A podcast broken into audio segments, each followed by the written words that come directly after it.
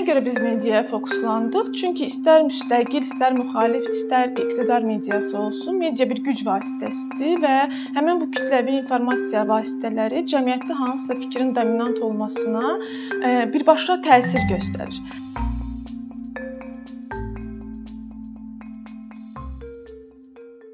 2016-2017-ci illər ərzində Azərbaycan mediasının gender monitorinqini aparmaq məqsədi ilə Mətbuatın gender monitorinqi adlı layihəyə start verdi və burada məqsədimiz həm Azərbaycan mediasındakı LGBTQI+ fobiya və seksizm, həm də Azərbaycanda tanınmış və nüfuzlu e, şəxslərin, siyasətçilər, psixoloqlar, ədəbiyyatçılar və sair kimi e, şəxslərin öz çıxışlarında yer verdiyi seksizm və fobiyanı e, bloqumuzda paylaşmaq, həm mediaya bunu göstərmək ki, siz bu cür e, seksist kontent hazırlayırsınız, həm də izləyicilərdə bu kontentlərə e, qarşı həssaslıq formalaşdırmaq idi. Nəyə görə biz mediaya fokuslandıq? Çünki istər müstəqil, istər müxalif, istər iqtidar mediası olsun, media bir güc vasitəsidir və həmin bu kütləvi informasiya vasitələri cəmiyyətdə hansısa fikrin dominant olmasına e, birbaşa təsir göstərir. Yəni bu o deməkdir ki, e, media cəmiyyətdə hansı kimliklərin görün görünüb görünməyəcəyini, hansı hansı səslərin eşidib-eşidilməyəcəyini birbaşa öz təsirini göstərir. Cəmiyyətdəki dominant e, fikirdən qorxaraq öz fikrini dilə gətirməyən, e, susmağa özünü məcbur hiss edən e, insanlar var və buna the spiral science deyilir. Biz bunu bəlkə Azərbaycan dilinə susqunluq spiralı kimi tərcümə edə bilərik. Susqunluq spiralı isə odur ki, insanları cəmiyyətdən təcrid etməklə şantaj edir. Yəni bir növ sən özünü cəmiyyətdəki fikrə uyğunlaşdırmalı, o tərzdə yaşamalı və cəmiyyətin nəbzini tutan fikirlər dilə, dilə gətirməlisən. Yəni bu o deməkdir ki, sən cəmiyyətin nəbzini tutan fikirlər dilə gətirməsən, yaxud cəmiyyətin dəyərlərinə uyğun yaşamasan, sən avtomatik cəmiyyətdən təcrid olunursan və cəmiyyətdə bir kimlik kimi yerin yoxdur. Bu o deməkdir ki, sənin heç bir haqqın və hüququn da yoxdur. Heç bir ictimai e, siyasi məsələlərdə söz haqqın olmur. Biz həmçinin bu susqunluq spiralının Azərbaycan mediasında öz təzahürünü çox rahatlıqla görə bilirik. Yəni görürük ki, həm sosial şəbəkələrdə, həm də mediada fərqli həyat yaşayan, yəni biraz insanlara fərqli gələn, fərqli fikirlər irəli sürən e, insanlara qarşı necə təzyiq var. Onları lağlaqlarla, təhqirlərlə, şantajlarla artıq susmağa məcbur eləyirlər. Yəni bu e, o deməkdir ki, e, bu fikirlərə cəmiyyətdə yer yoxdur və bu fikrin daşıyıcıları susmalıdır və özlərini realizə realizə eləməməlidir. Yəni onlara bir növ özlərini realizə eləmək üçün platforma verilmir. Azərbaycan mediasına çox qısa nəzər yetirmək kifayətdir ki, biz mediadakı mizojenist, seksist, homofobik, transfobik, e, irqçi və faşist e, məzmunları görə. Yəni heç xəbərin e, məzmununu açıb oxumağa ehtiyac yoxdur. Elə başlıqlarda biz bunlarla birbaşa qarşılaşırıq və e, bu xəbərlər bizi birbaşa, yəni xəbərin məzmunu ilə tanış edir. Yəni bizə xəbər verir ki, bu art bu xəbər artıq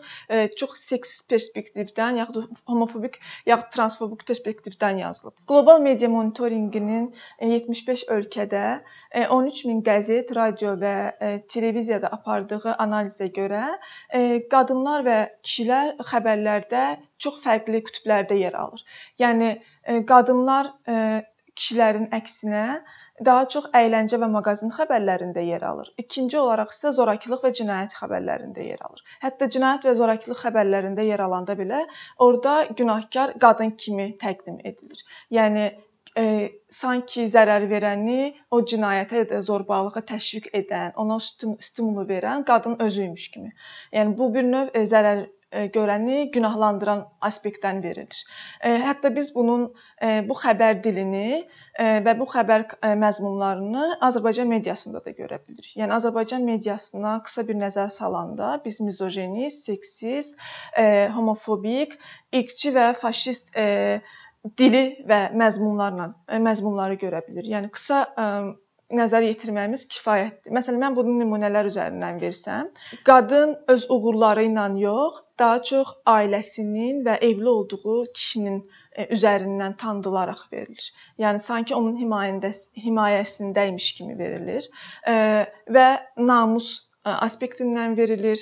Məsələn, gəlin bu xəbər başlığına baxaq. Xəbər başlığında yazılıb ki, Bakıda namus cinayəti kişi qadının başını balta ilə əzdi. Yəni bu cür xəbər e, başlığı olmaz. Çünki bu xəbər başlığında problem odur ki, birincisi e, sən e, namus vurğusunu eləməklə həmin e, cinayətə birbaşa haqq qazandırmış olursan. Yəni e, xəbər başlığı olduqca mizojenistdir, olduqca seksistdir və olduqca da cinayətə təşviq edən və eyni zamanda haqq qazandıran bir xəbər başlığıdır.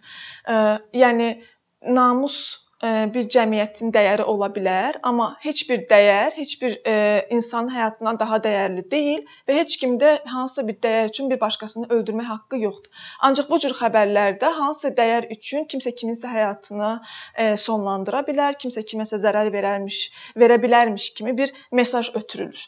E, həmin e, xəbərin və yaxud da bu cür xəbərlərin e, məzmununa baxdıqda isə xəbərlər ancaq e, qatilin yəni zərər verənin aspektindən işıqlandırılır. E, xəbərlərin məzmununda heç bir e, rəsmi qurumun açıqlaması olmur. Halbuki zorakılıq və e, cinayət xəbərlərində xəbər məzmunu ancaq zərər verənin ifadəsi üzərində işıqlandırılmamalıdır. Onun yerinə rəsmi qurumların, məsələn, polisin, məhkəmə qərarının yaxud tibbi ekspertizanın nümayəndələrinin açıqlamaları olmalıdır. Çünki ancaq zərər verənin açıqlamaları ilə verilən xəbər çox manipulyatивdir və zərər görən tərəfə, öldürülən yaxud e, şiddətə, zorakılığa məruz qalan e, tərəfin e, haqqını tapdalayır. Yəni onun aspektindən verilmir, əslinin əksinə onun əleyhinə işləyir.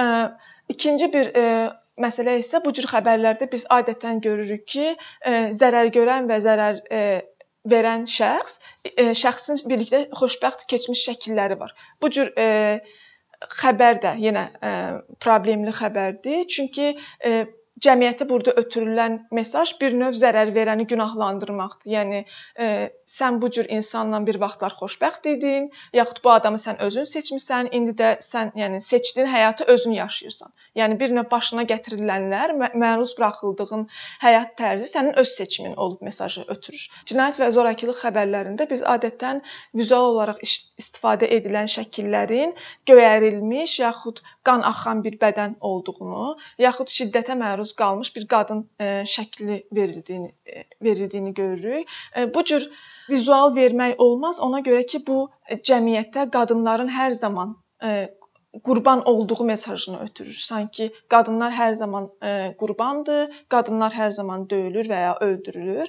və yəni bu ictimai yaddaşda qadınları həm e, zəif kimi kodlayır. E, növbəti xəbər başlığı isə Bakıda homoseksual xarici vətəndaşı döydü başlığı başlığı ilə verilib. Yəni bu Bu xəbər başlığı birmənalı və birbaşa e, homofobikdir. Ona görə ki, cinsi orientasiyanın e, bu zorakılıqla heç bir aidiyyatı yoxdur. E, növbəti e, başlıqda isə biz hədəfə qoyulmuş başqa bir kimlikləri görürük, ərəbləri. Yəni xəbər başlığı bu cürdür ki, ərəblər Azərbaycanda əxlaqsızlıq edir və əxlaqsızlığın təbliğatı ilə məşğuldur. Halbuki əxlaqsızlığın milli kimliyə yaxud orientasiyaya, cinsi kimliyə və bu cür faktorlara aidiyyatı yoxdur. Növbəti başlıqda isə biz transseksuallarla əlaqəli xəbər görürük. Yəni transseksuallarla bağlı onsuz da cəmiyyətdə transfobik stereotiplər kifayət qədərdir və bu xəbər başlığı həmin o transfobiyanı formalaşdırır, bəsləyir və davamiyyətini qorumağa xidmət edir. Belə ki, onsuz trans translarla bağlı cəmiyyətdə onların ikili şəxsiyyət pozğunluğu yaşadığına dair stereotiplər var, yaxud cinsiyyət dəyişdirdikləri ilə bağlı stereotiplər var. Halbuki translar cinsiyyət dəyişdirmir, sadəcə cinsiyyət adaptasiyası əməliyyatına girir və onlar onlara demək ki, siz cinsiyyət dəyişdirmisiniz, yaxud yaxud onlarla bağlı xəbər veriləndə onların əvvəlki görünüşlərini indiki halları ilə, indiki görünüşləri ilə müqayisə eləmək birbaşa həmin insanları cinsi qısnamaya məruz buraxmaqdır və bu özü transfobikdir. Məsələn, translarla bağlı xəbər veriləndə adətən biz xəbərlərdə görürük ki, elə bu nümunədən də gördüyünüz kimi cinsiyyəti dəyişən vurğusu edilir. Cinsiyyəti dəyişdirən yox, cinsiyyət adaptasiyası. Ancaq bununla belə bunun xəbərə heç bir aidiyyatı yoxdur. Yəni bu e, başlığa çıxarılmamalıdır. Siz heteroseksuallar haqqında e, necə xəbər verirsinizsə, e, qadınlar, uşaqlar, translar, homoseksuallar və digər kimliklər haqqında da həmin nizamnamələrə uyğun, həmin dil istifadə edilərək e, edərək e, xəbər hazırlamalısınız. Uşaq e, zorakılıqları ilə bağlı xəbərlərdə isə biz bir bir mənalı olaraq bu cür e, başlıq və yaxud məzmun görürük ki, e, uşağı zorladı və 3 nöqtə, uşağı falan yerə apardı və 3 nöqtə. Manyak uşağı zorladı. Bu cür zərər verəni günahsızlaşdıran, onun törətdiyi cinayəti e, biraz yüngülləşdirən manyak, psixopat, e, ruhi xəstə kimi ifadələri işlətmək olmaz, çünki bu birbaşa onların cinayətlərini yüngülləşdirməyə xidmət edir. E, ikinci bir məsələ isə zorakılıq və cinayət xəbərlərini təqdim eləyəndə heç bir şəkildə melodramik yaxud sensasiyalı şəkildə təqdim eləmək olmaz, çünki bunlar çox ciddi, ciddi faktlardır və bunları maqazin vasitəsinə çevirmək olmaz. Yəni bu maqazin vasitəsinə çevrilmək bu xəbərlərin e, ciddiliyini azaldır. Cinayət və zorakılıq xəbərlərini isə bu cür sensasiyalı e, yaxud melodramik tərzdə vermək olmaz. Yəni bu cür xəbər verəndə sən həmin cinayətkarın, həmin zərər verənin aktlarına birbaşa haqq qazandırmış olursan.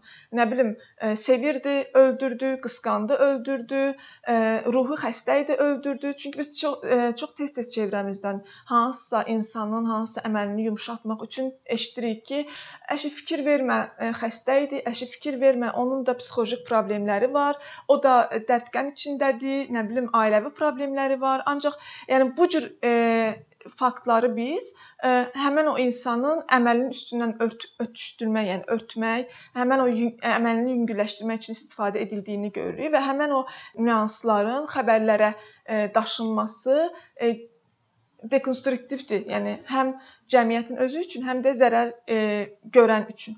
Əslində isə media necə olmalıdır? Hər medianın, yəni media qurumunun öz nizamnaməsi olmalıdır bu ə, məsələlərlə bağlı ki, qadınlar necə təmsil edilməlidir, homoseksuallar necə təmsil edilməlidir, translar necə təmsil edilməlidir və cinayət və zorakılıq xəbərləri necə verilməlidir. Yəni bütün kimlikləri göz önünə alaraq, bütün kimlikləri nəzərdə tutaraq ki, e, heç bir ayrı heç bir kimliyə qarşı heç bir ayrı seçkilik olmasın. E, bu tərzdə bir e, xəbərlər təqdim edilməlidir.